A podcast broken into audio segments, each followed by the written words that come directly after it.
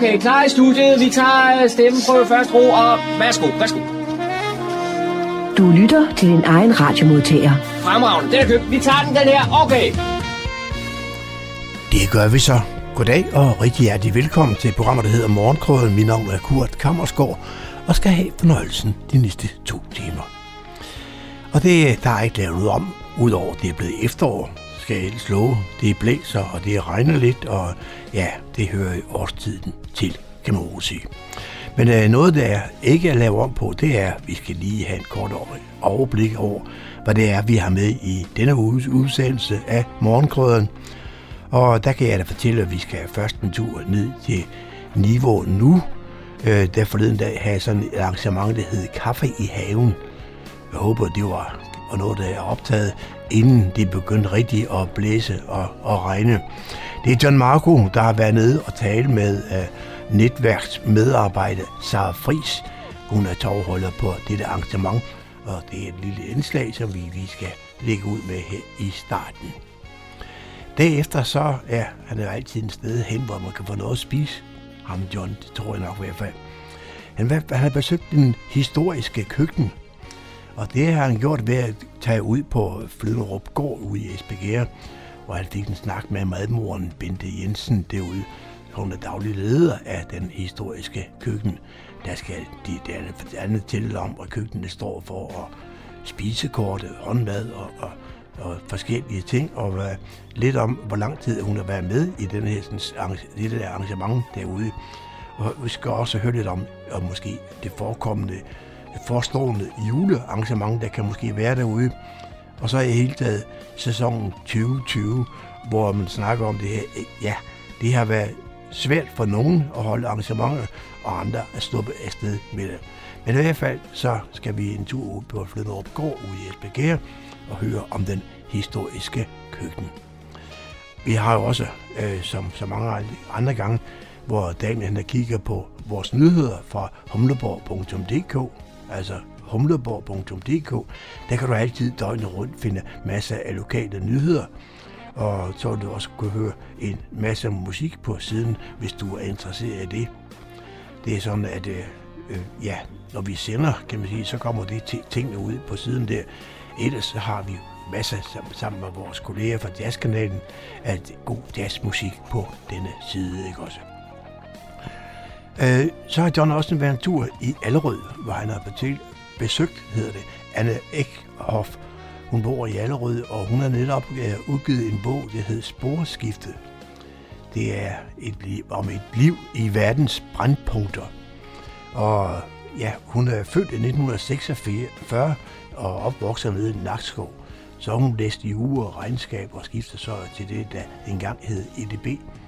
Hun er mor til seks, og men øh, hun elsker alligevel at komme ud i verdens brandpunkter og håber også at komme det igen, selvom alderen efterhånden begynder at sætte øh, øh, øh stopper for sådan nogle arrangementer. Hun har været udsendt i 10 forskellige lande for at hjælpe derude. Og så tager hun øve ene time i arabisk, for at bedre kan begå sig derude. Så det er noget af det, vi har sidst her i udsendelsen. Så øh, en spændende fortælling om den nye bog, som er kommet på, der hedder Sporskiftet. Et, et, et, et, et liv i verdens brandpunkter hedder den. Og så, ja, så er det jo ligesom øh, lagt op til, at øh, så har vi nogle indslag her søndag formiddag.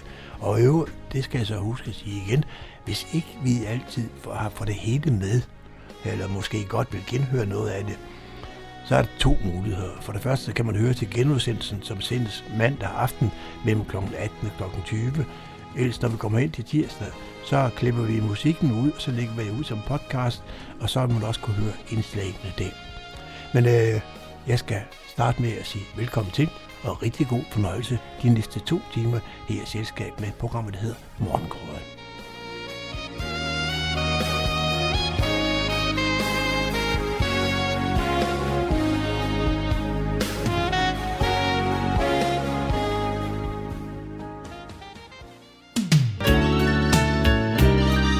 Lytter til Morgenkrydderen. I studiet er det Kurt Kammerskov. Jeg er taget til Niveau Høj i Niveau, og det er i dag tirsdag, og det er eftermiddag. Og så er jeg gået ind for at være med til kaffe her i Niveau nu, og så møder jeg Sara. Sara, hvad, hvad er det her for noget? Jamen, øh, vores øh, havekaffe-arrangement er et, øh, uge, en ugeligt tilbagevendende begivenhed, hvor vi øh, åbner op for en kop kaffe og et stykke kage øh, her i vores have i Niveau nu. Øh, og det er fordi, vi øh, forsøger at skabe et, et mødested for øh, Nivås øh, beboere. Et sted, hvor man kan øh, mødes under meget uformelle rammer. Man kan møde øh, sine naboer, man kan møde øh, nye mennesker. Og så kan man møde os fra Niveau nu og øh, få en god snak. Og der er ikke nogen dagsorden, man kommer bare og drikker kaffe og sidder og, og sluder lidt. Ja, og det er jo sådan lidt særligt, fordi normalt, når vi laver aktiviteter, så mødes man omkring noget meget konkret. Det her, vi er taget helt ud af det her koncept, der, øh, der mødes vi omkring en kop kaffe og et lille bål og et stykke kage. Og så, øhm, og så øh, er der en naturlig snak omkring det. Og, og øhm, selvom det lyder lidt... Øh, lidt anderledes end den måde, vi ellers er vant til at arbejde på, så giver det rigtig god mening, fordi at øhm, det er så uforpligtende, som det er at mødes. Vi forventer ikke noget af dem, der møder op. Man kan komme og være med i fem minutter, og så kan man gå igen, eller man kan komme og være her hele timen, hvis man har lyst til det. Man kan også komme og snakke en masse. Man kan også komme og sidde stille og lytte. Øh, det er helt op til øh, beboerne eller borgerne selv, øh, den måde, de vil deltage i det her lille fællesskab på.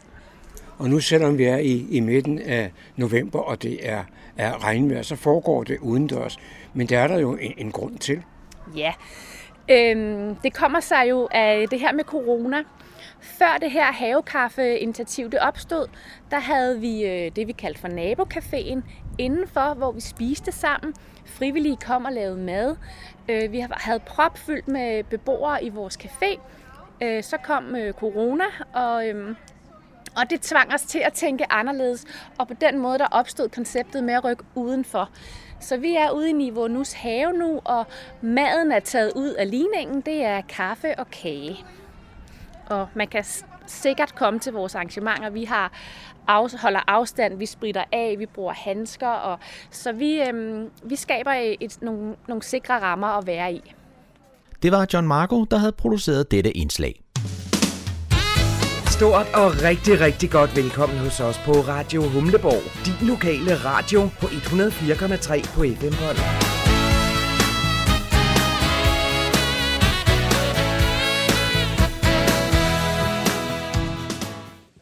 Jeg er taget til Flønderupgård i Esbjerg og er gået indenfor i det historiske køkken. Og så træffer jeg madmor Bente Jensen. Bente, hvad er det historiske køkken egentlig for noget? Jamen, det historiske køkken er jo et sted, hvor du kan komme ind og spise, og så kan du få nogle retter, der er tilbage fra 1920'erne, som er lavet på den måde, som man lavede i 1920'erne. Øh, vi har ikke så mange hjælpemidler som elektriske maskiner og sådan noget, så, så vi laver tingene på den gode gamle måde med piskeriser hen over gasblus og alle de her ting, og små bitte ovne. Men ellers så holder vi os til, til madretter, som man spiste på gårdene i 1920'erne, det vil sige det, vi kalder husmandskosten. Det betyder vel også, at du skal dykke ned i nogle gamle kogebøger? Det gør det i hvert fald. Man er jo nødt til ligesom at finde ud af, hvad er det for nogle råvarer, de har brugt, fordi inde i byen, kan man sige, der har de jo haft øh, muligheder for at købe sig til nogle krydderier og nogle finere ting og sådan noget. De har måske også haft lidt flere penge at gøre godt med hvor ude på landet, der har man nok ikke haft helt den samme mængde, så der råder man ikke rigtig med citroner og tomater og ketchup og sådan nogle ting. Fordi selvfølgelig har det fandtes øh, i madvarerne, der har både fandtes sprut i madvarerne og ketchup og løg og fine krydderier. Øh, og det ved vi for eksempel, når vi har læst frøken Jensens kogebog, som rigtig mange jo øh, kender.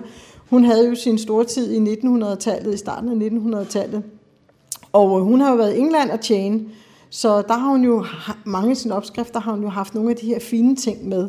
Øh, så hendes kogebog er virkelig baseret på folk i husmandsforeninger. Og så er der jo så nogle gamle kogebogsforfattere som Mangård og sådan nogle ting. De er jo lidt mere bundske øh, madkoner. Øh, så, og de har ikke alle de her meget fine ting i deres mad. Så det er sådan en meget øh, enkel madret, hvor vi bruger salt og peber og selleri og porre, gulerødder og laurbær og timian, som er gængse krydderier i husmandskosten. Nu har jeg besøgt stedet her flere gange, også på tidspunkter, hvor du ikke har været. Der har min hustru og jeg været heroppe. Og øh, så har vi kigget på det, jeg kunne kalde menukortet.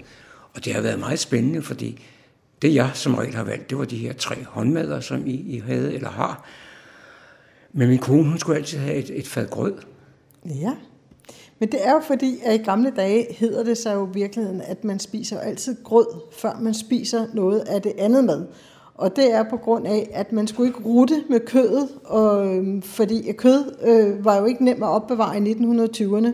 Så derfor så øh, spiser man øh, en portion grød for at lægge bunden, og så får man en eller anden øh, ret. Øh, og i 1920'erne er det meste af maden jo øh, faktisk kogt mad eller saltet mad, fordi det var den måde, man opbevarede fødevarene på. Det var, at man enten tørrede det, så det kunne holde så længe, eller man saltede det ned.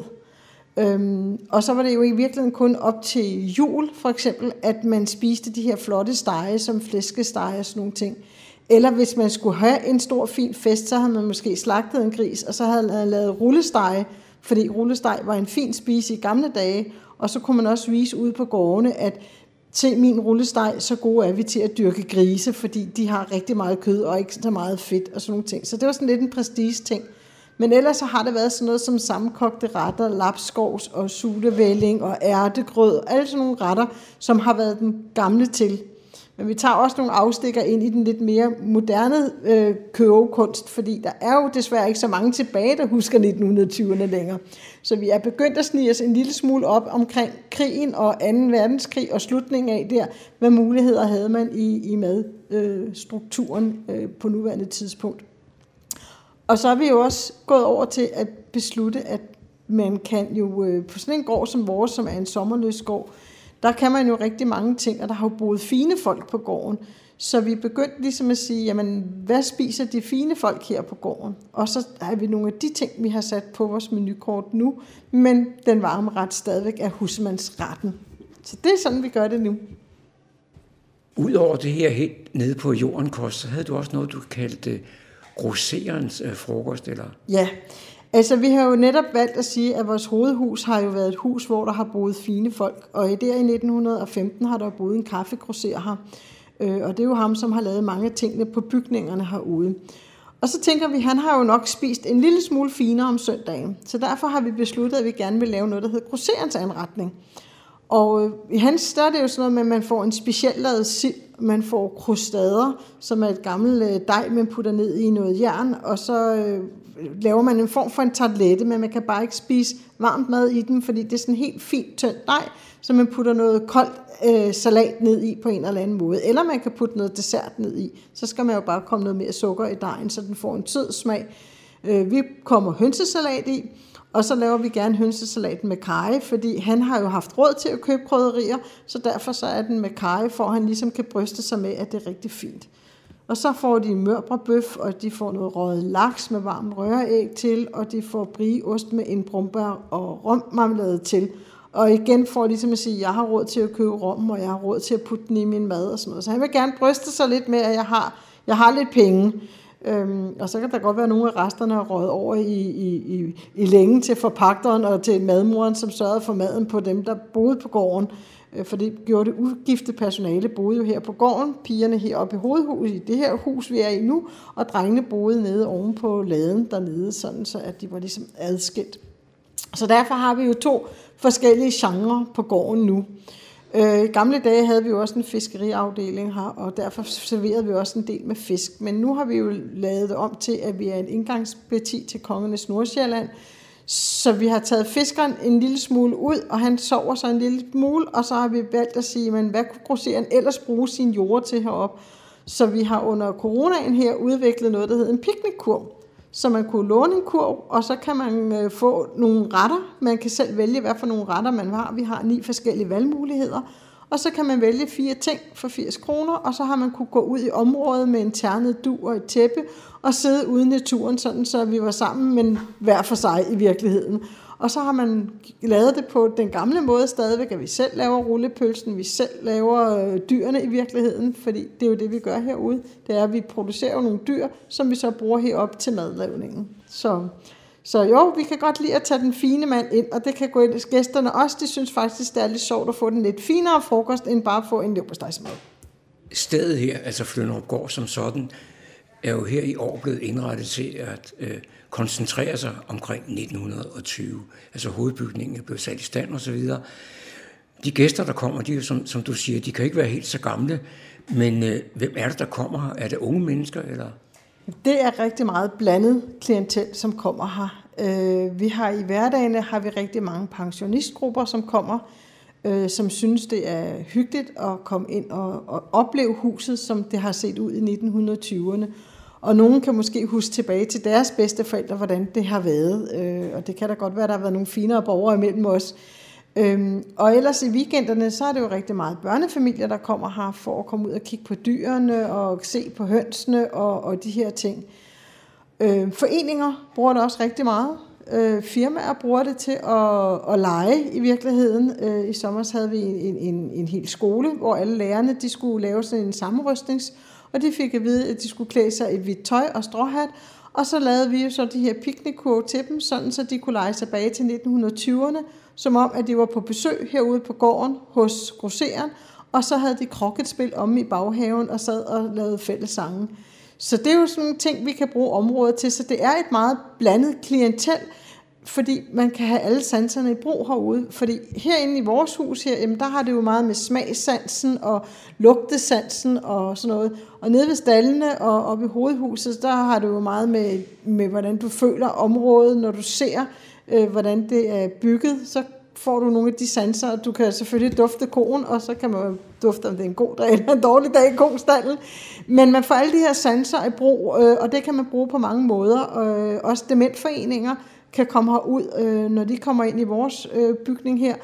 Øh, duften af, at vi har et gasbus kørende, og så duften af, at der er nybrygget kaffe, det giver nogle minder tilbage, som så kan de blomstre lidt op i virkeligheden, fordi de får nogle minder i deres indre blik. Så kan det godt være, at de ikke kan se dem, men de har oplevet duftene, og så får man en tur ned ad memory lane i virkeligheden for dem. Så det er rigtig mange forskellige brugere, vi har herude.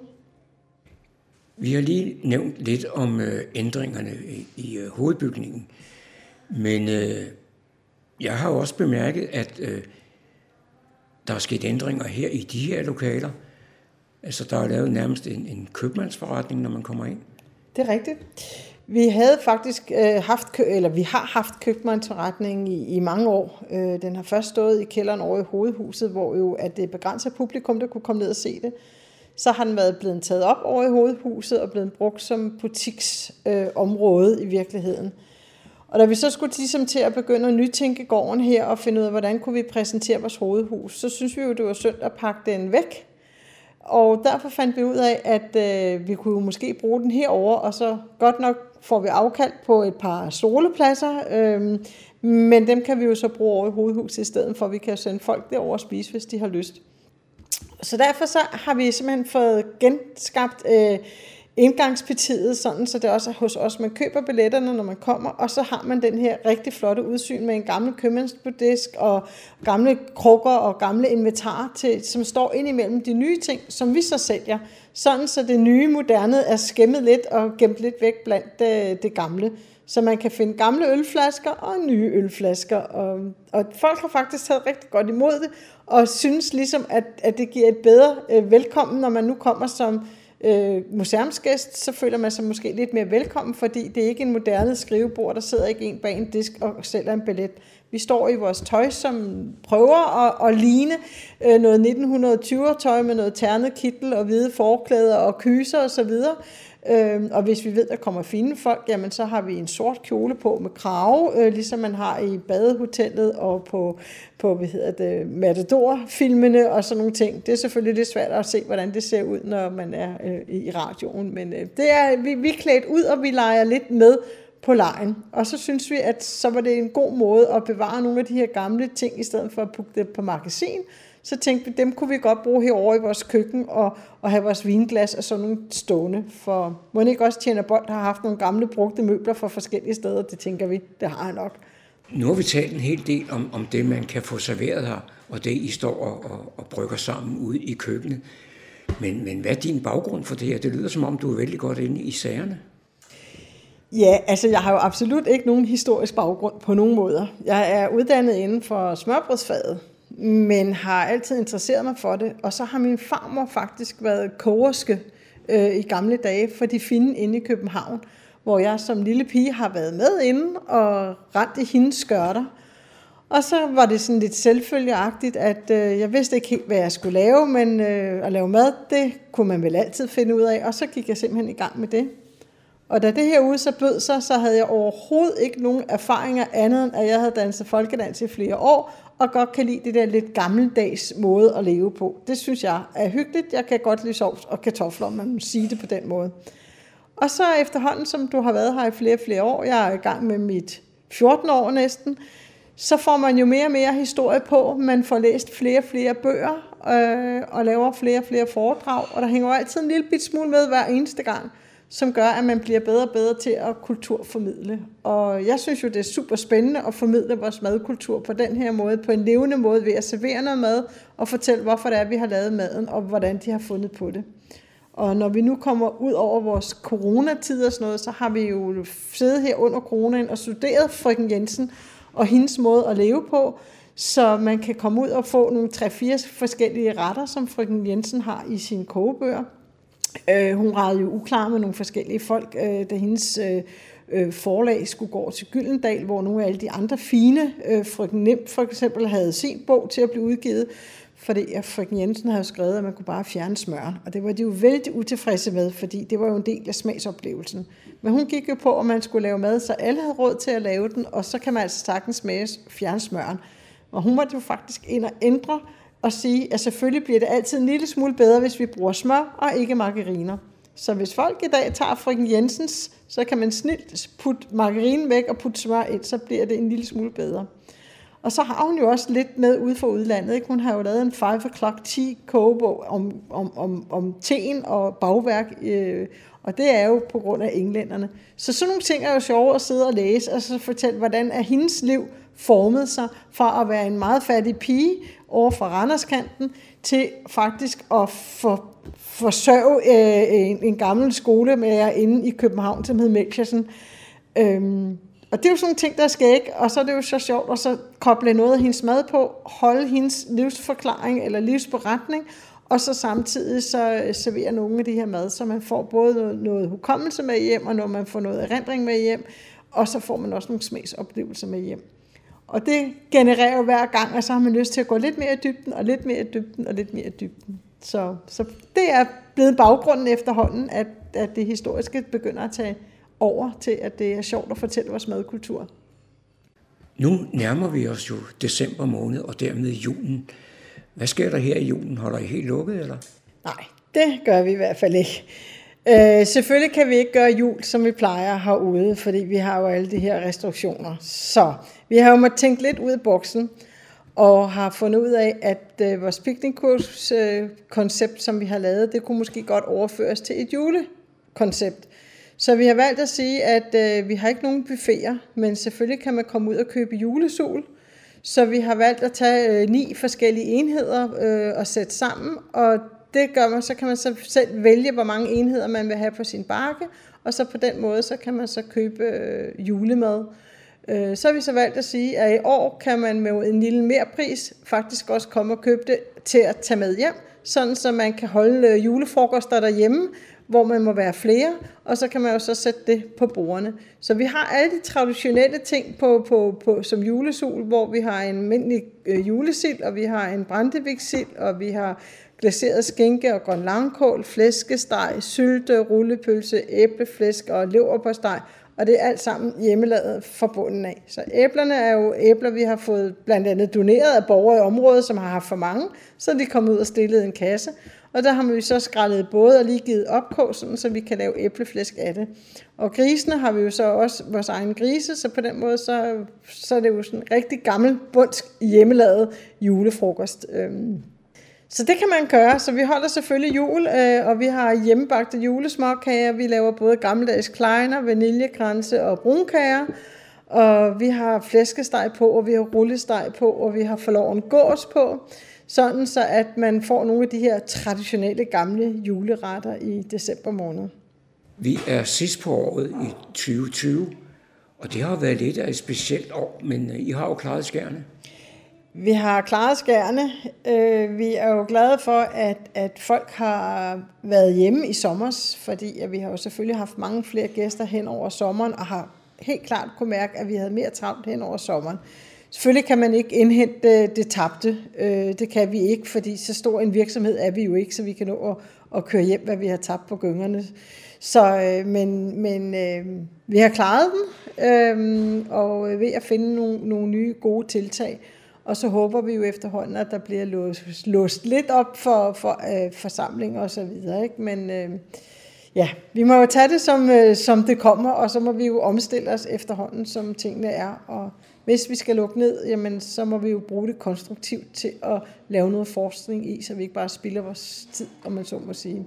Og det er jo også det, vi har gjort her under coronaen. Der har vi jo bygget hele gården om, og så lukket op her til sommer for et nyt koncept, som vi så skal arbejde videre på øh, som et fritidskulturcenter for området her. Det var John Marco, der havde produceret dette indslag. Du lytter til morgenkrydderen. Så er det, er der engang gået hen og blevet tid til lokale nyheder hentet fra humleborg.dk. De er oplæst og redigeret af Daniel Jørgensen. 8 ud af 10 danskere mener, at det er uacceptabelt at tale i håndholdt mobiltelefon bag rettet. Men det sker desværre alt for ofte. I disse uger sætter Fredensborg Kommune sammen med Rådet for Sikker Trafik ekstra fokus på problemet. Man kan møde skilt på vejen, der hedder Læg mobilen, og det er rundt på cykel- og bilparkeringspladserne i kommunen. Kampagnen skal minde os alle sammen om, at vi ikke bør bruge vores mobil, når vi cykler eller kører bil. De fleste trafikanter ved godt, at håndholdt mobil- og bilkørsel både er forbudt og risikabelt, og alligevel har politiet i hele landet sigtet knap 20.500 personer for brug af håndholdt mobil i 2020. 914 af dem i Nordsjællands politikreds. Alt for mange bruger deres mobil, mens de kører bil. Desværre har det ofte voldsomme konsekvenser, når vi er uopmærksomme og ikke følger med i trafikken. Derfor er det vigtigt, at vi hjælper hinanden og husker hinanden på, at vi skal lægge den væk, når vi kører bil eller cykler, siger Flemming Rømer, der er formand for Infrastruktur- og Teknikudvalget i Fredensborg Kommune. Lørdag den 5. december kl. 20 kan man opleve vokalgruppen Dynamics hos Niveau Teater i Teaterhuset i Niveau. Det sker ved en enestående julekoncert, hvor man kan opleve julens klassikere i lækre jazzede vokalharmonier ala Manhattan Transfer. Dynamic blev grundlagt af sanger og arrangør Paul Kim, da han flyttede til København fra San Francisco. Bandet består af syv aktive jazzmusikere, fire stærke vokalsolister, der hver for sig og sammen skaber unik sound, og en knivskarp rytmegruppe med guitar, bass og trommer. Repertoiret er originale, lækre arrangementer af både velkendte og nyskrevne jazznumre. Sammenligningen med Manhattan Transfer ligger lige for, men Dynamic har udviklet sin egen stil og sound, der gør brug af forskellige kombinationer af instrumenter og stemmer, a cappella-sang, kor og solosang. Til denne julekoncert kan man glæde sig til både de store amerikanske juleklassikere, som Bing Crosby og Nat King Cole har gjort udødelige, og til smukke nordiske toner og vintersange.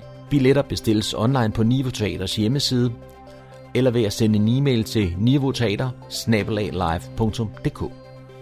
Søndag den 6. december snører vi traveskoene på og går en tur sammen, men hver for sig, til fordel for børn på julemærkehjem over hele landet. Det er 44. gang, at julemærkemarschen bliver afholdt, og for tredje gang bliver den afholdt i Fredensborg. Julemærkemarschen er en forening af frivillige ildsjæle, der i over 40 år har arbejdet med det ene formål at indsamle midler til at støtte julemærkehjemmene. Men netop i år, hvor vi alle har været ramt af coronapandemien, må man gå turen hver for sig. Man kan enten gå eller løbe turen, når man kan selv vælge sin distance. Og det vil sige, at man kan også gå andre steder end blot i Fredensborg. Så bor man i Humlebæk, Nivå, Kokkedal eller andre steder, så vælger man selv sin egen rute. Man kan tilmelde sig på hjemmesiden julemærkemarsen.dk, og for deltagelsen vil man modtage en medalje. Så med denne virtuelle julemærkemarsch går man sin egen tur hver for sig, sammen i tankerne om den gode sag. Det var, hvad vi havde fundet frem af nyheder og informationer for denne gang, hentet fra humleborg.dk. Her er der flere lokale nyheder at læse. Disse var oplæst og redigeret af Daniel Jørgensen.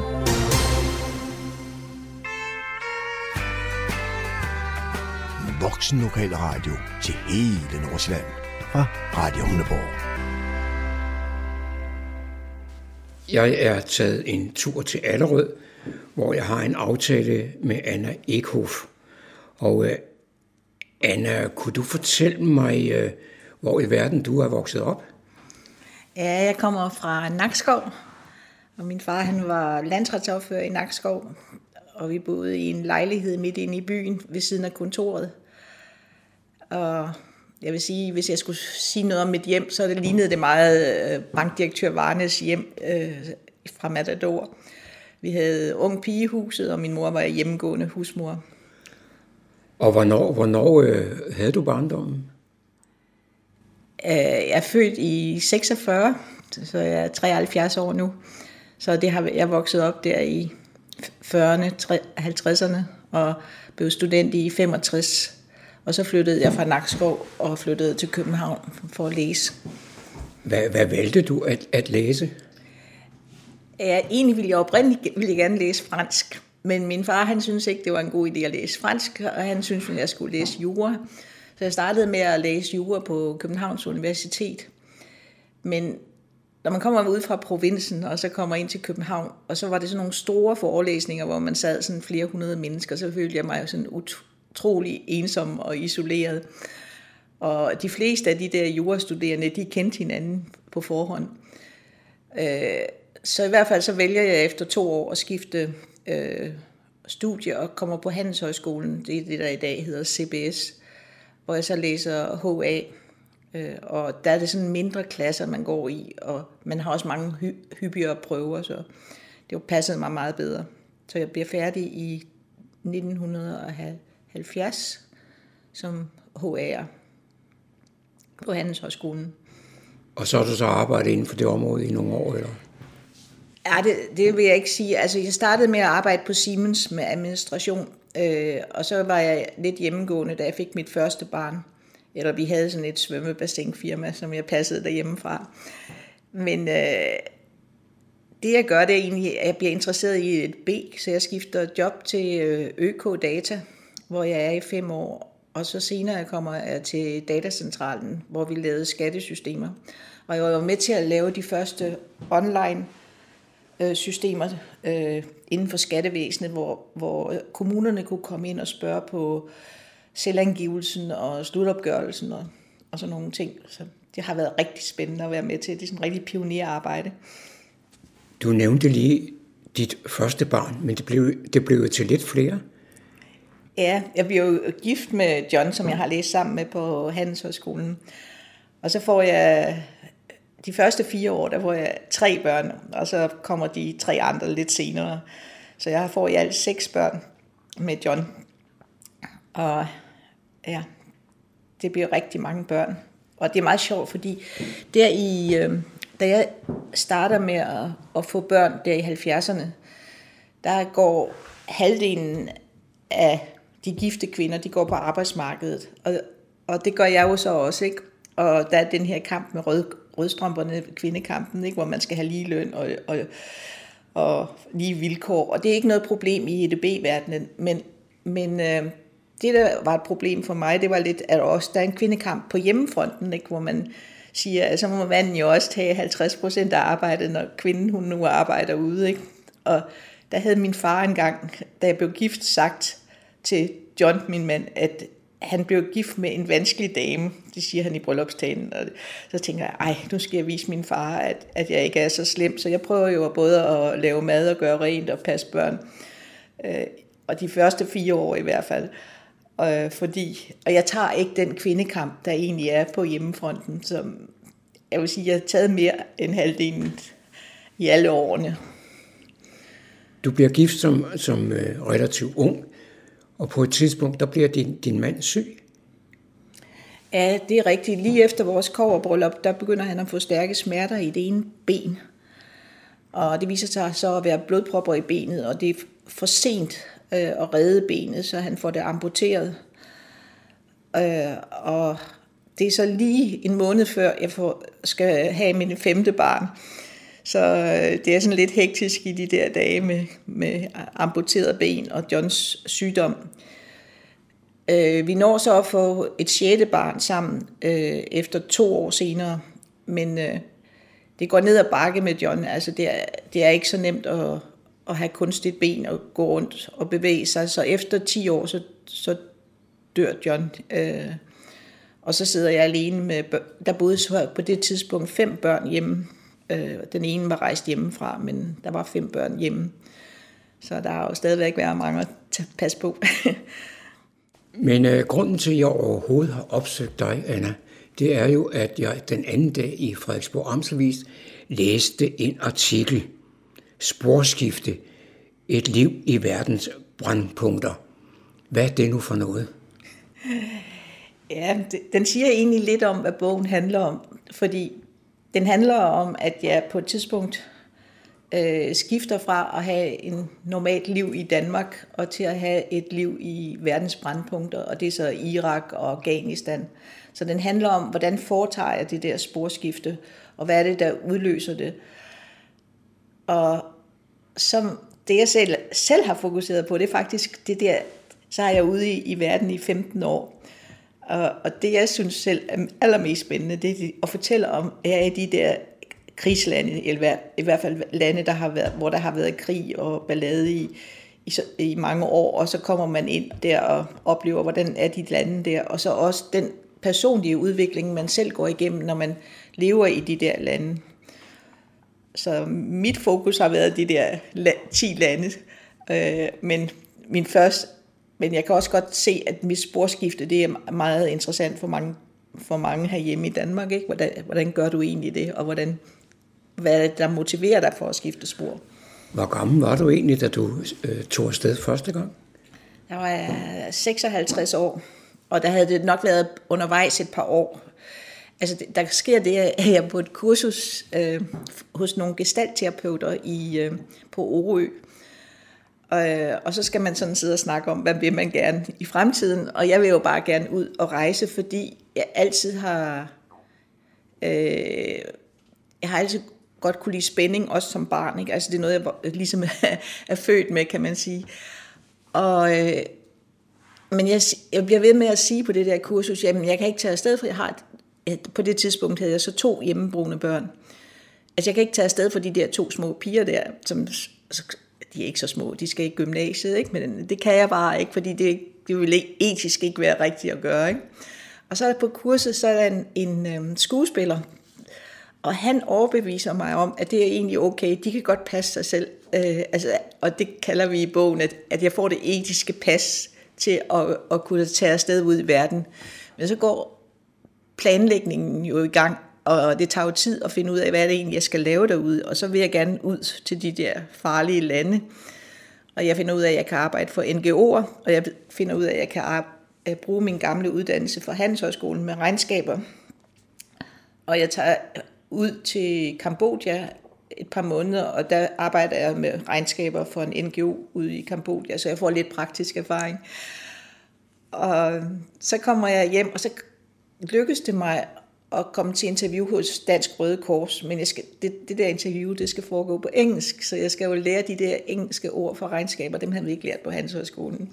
Så jeg tager ene timer hos en englænder, så skal man lære mig, hvad hedder det der, assets og liabilities og alle de der regnskabsord på engelsk. Øh, og så kommer jeg til interviewet, og der kan jeg godt de der engelske ord for regnskaber. Men så siger hende fra Dansk Røde Kors, hun siger så til mig, Anna, du kan jo ikke øh, uh, NGO-ordene. Altså du, og det er sådan nogle ord som logical framework og capacity building og sådan nogle ord. Ah, det er jo så rigtigt nok, ikke? Og så tager jeg på kursus i Aarhus, nogle weekendkurser, og så ringer jeg til hende og siger, nu kan jeg godt ordene. Og så, så siger hun, nu er du klar til at tage afsted. Du nævnte, at du altid har drømt om at om, om spænding, eller at komme til at opleve noget spændende. Ja. Øh, hvad mener du egentlig med det? Øh, med, at jeg godt vil opleve noget spændende. Ja, altså når man tager ud i verden, så kan man jo tage ud for at hjælpe de, øh, altså dem, der lider nød derude. Ikke? Men det er jo faktisk ikke mit motiv. Ikke? Mit motiv for at tage ud, det var for at opleve nogle spændende lande. Ikke? Og jeg tror, det kommer helt fra min barndom, fordi øh, jeg har jeg havde øh, en moster Røyser, der boede i Chicago, og hun var sådan ligesom lidt en rollemodel for os. Hun var meget sådan en festlig dame, der gik med store hatte, og, øh, og hun havde spillet kort med Al Capone, siger rygtet i hvert fald.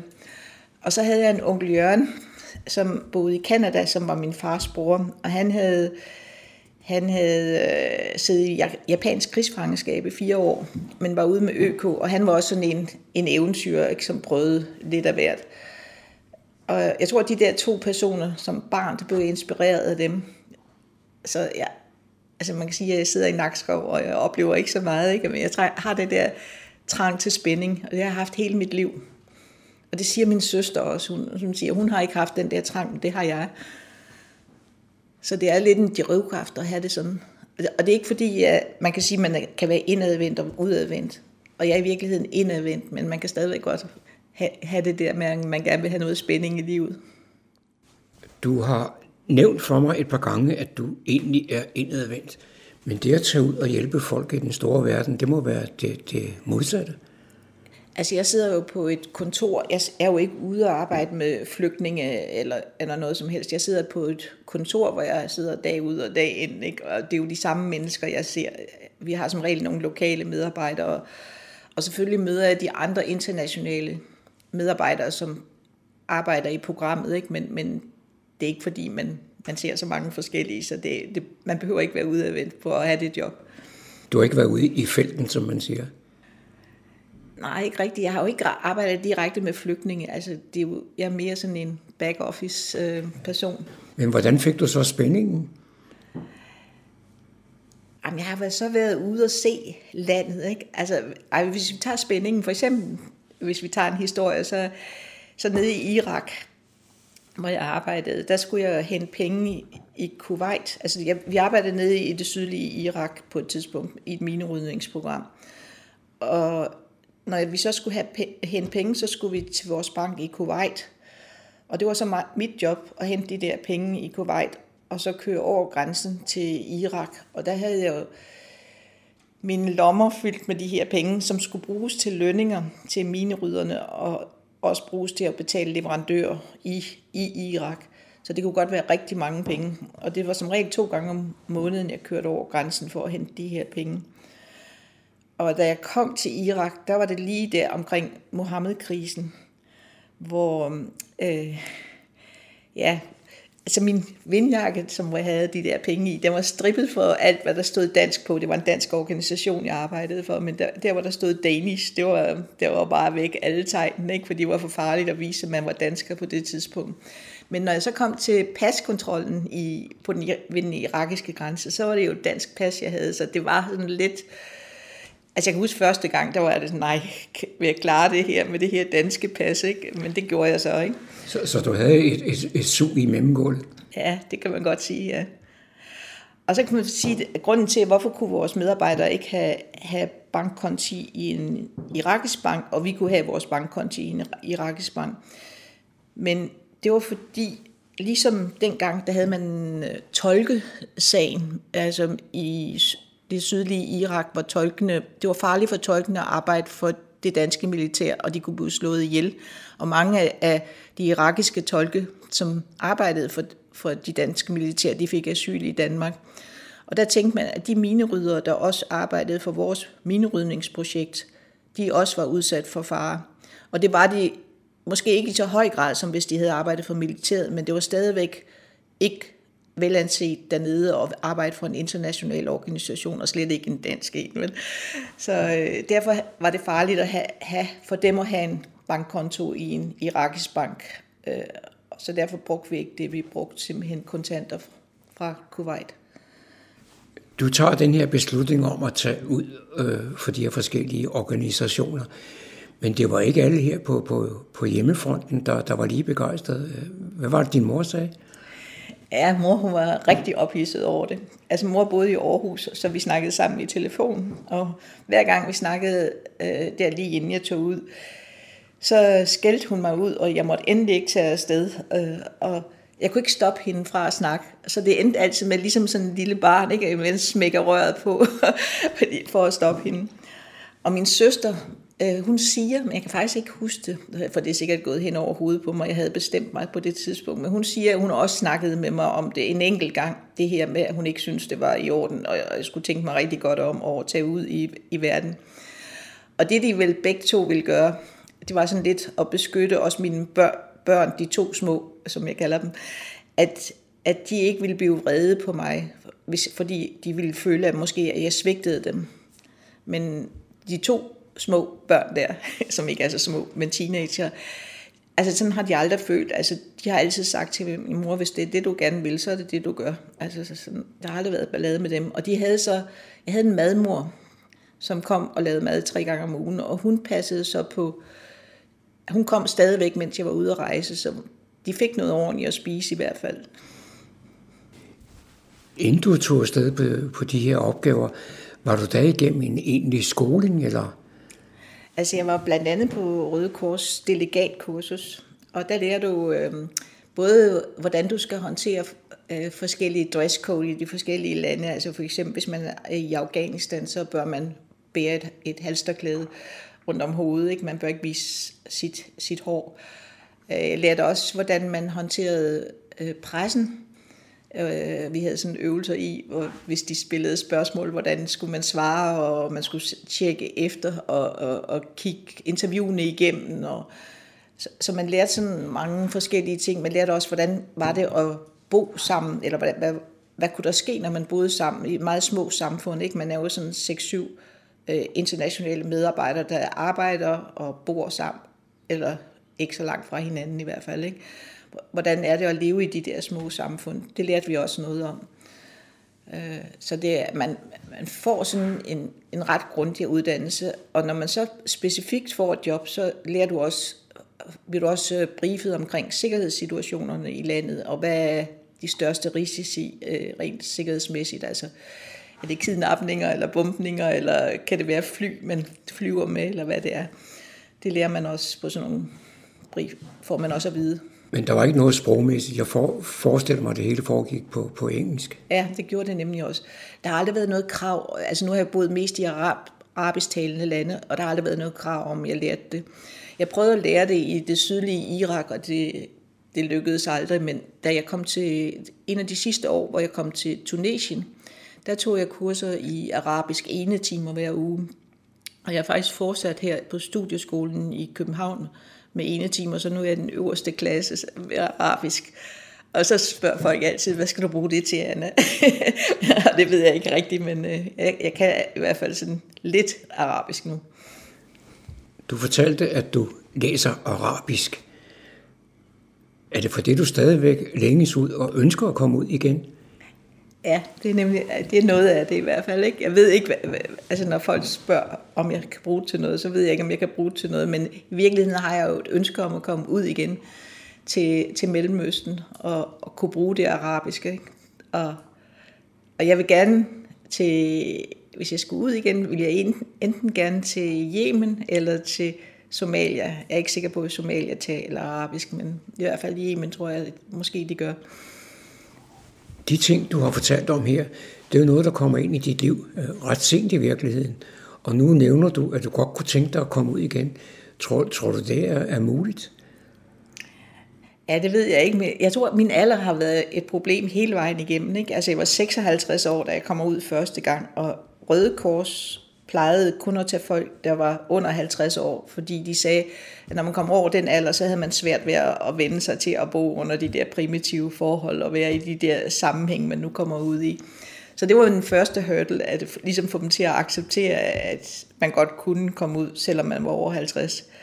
Da jeg senere kom til øhm, øh, en norsk flygtningeorganisation, så øh, blev jeg ikke kaldt ind til interview, da jeg søgte et job, som jeg mente, jeg var kvalificeret til. Og så kunne jeg ikke forstå, hvorfor er jeg ikke blevet det, der hedder shortlistet. Altså, hvorfor kommer jeg i hvert fald ikke til interview? Så ringer jeg derop, og så, så, så kigger hun sådan min ansøgning igennem. Ja, men det er nok på grund af din alder, Anna, siger hun. Og der er jeg så 62 på det tidspunkt, ikke? så der var der også lige et problem. Men så bliver jeg indkaldt til samtale, og så ender jeg med at få et job i Afghanistan som administrationschef for det næststørste program i det virkeligheden Norsk Flygtningehjælp, jeg taler om der. Ikke? Altså, det er et fantastisk job. Ikke? Men jeg skal hele tiden gøre et eller andet ekstra for de der med, med alderen. Og nu når jeg er 73, altså det kan godt være, at man har en EU-lovgivning, der siger, at man ikke må aldersdiskriminere, men det sker i praksis, og det bliver utrolig svært at få et nyt job, specielt ude i, i verden, og et sådan mere blivende job, ikke? eller et års, års kontrakt. Så det har du helt ret i. Som jeg startede med at sige, så er der jo skrevet bogen her, Sporskifte, et liv i verdens øh, brandpunkter. Hvis man nu er interesseret i at læse den, hvordan får man så fat i den? Ja, den sælges mange steder på nettet. Altså den sælges på de mange store internetudbydere, dem der udbyder bøger. Og så kan man også få den hos boghandlerne. Du har skrevet bogen, som vi har nævnt et par gange. Er der andre ting omkring dit liv, du har lyst til at skrive om på et tidspunkt? Ej, jeg tror, det her det bliver sådan min bog, den eneste bog, jeg nogensinde kommer til at udgive. Hvis, hvis man skulle skrive noget, så var det så at gå i detaljer.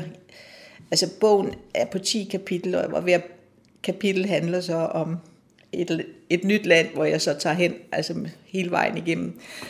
Og selvfølgelig er der sket mere i de lande, øh, som, som øh, jeg kunne skrive mere om. Men jeg tror mere, hvis jeg skulle snakke, så ville det være noget med, med den bog, og gøre den til en lydbog. Jeg kunne også godt forestille mig at i virkeligheden oversætte den til engelsk. Jeg har jo mange engelske venner, og de spørger, kommer den ikke på engelsk? Det kunne jeg godt tænke mig, og i virkeligheden kunne jeg godt tænke mig, jeg ved ikke, om du kender den øh, udsendelse, der hedder Homeland. Jeg kunne godt tænke mig at få den filmet. Men, men jeg, jeg ved godt, det er bare en drøm, ikke? men ja, det synes jeg kunne være spændende. Det var John Marco, der havde produceret dette indslag.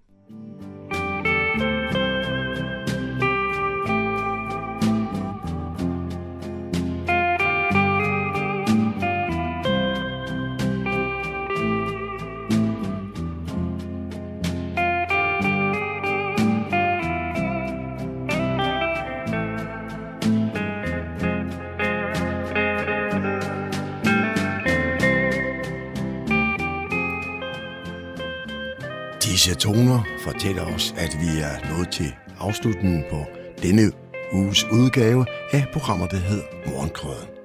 Her fra redaktionen, som består af undertegnet, jeg hedder Kurt Kammersgaard. Ja, der siger jeg tak for nu, og på genhør en anden god gang.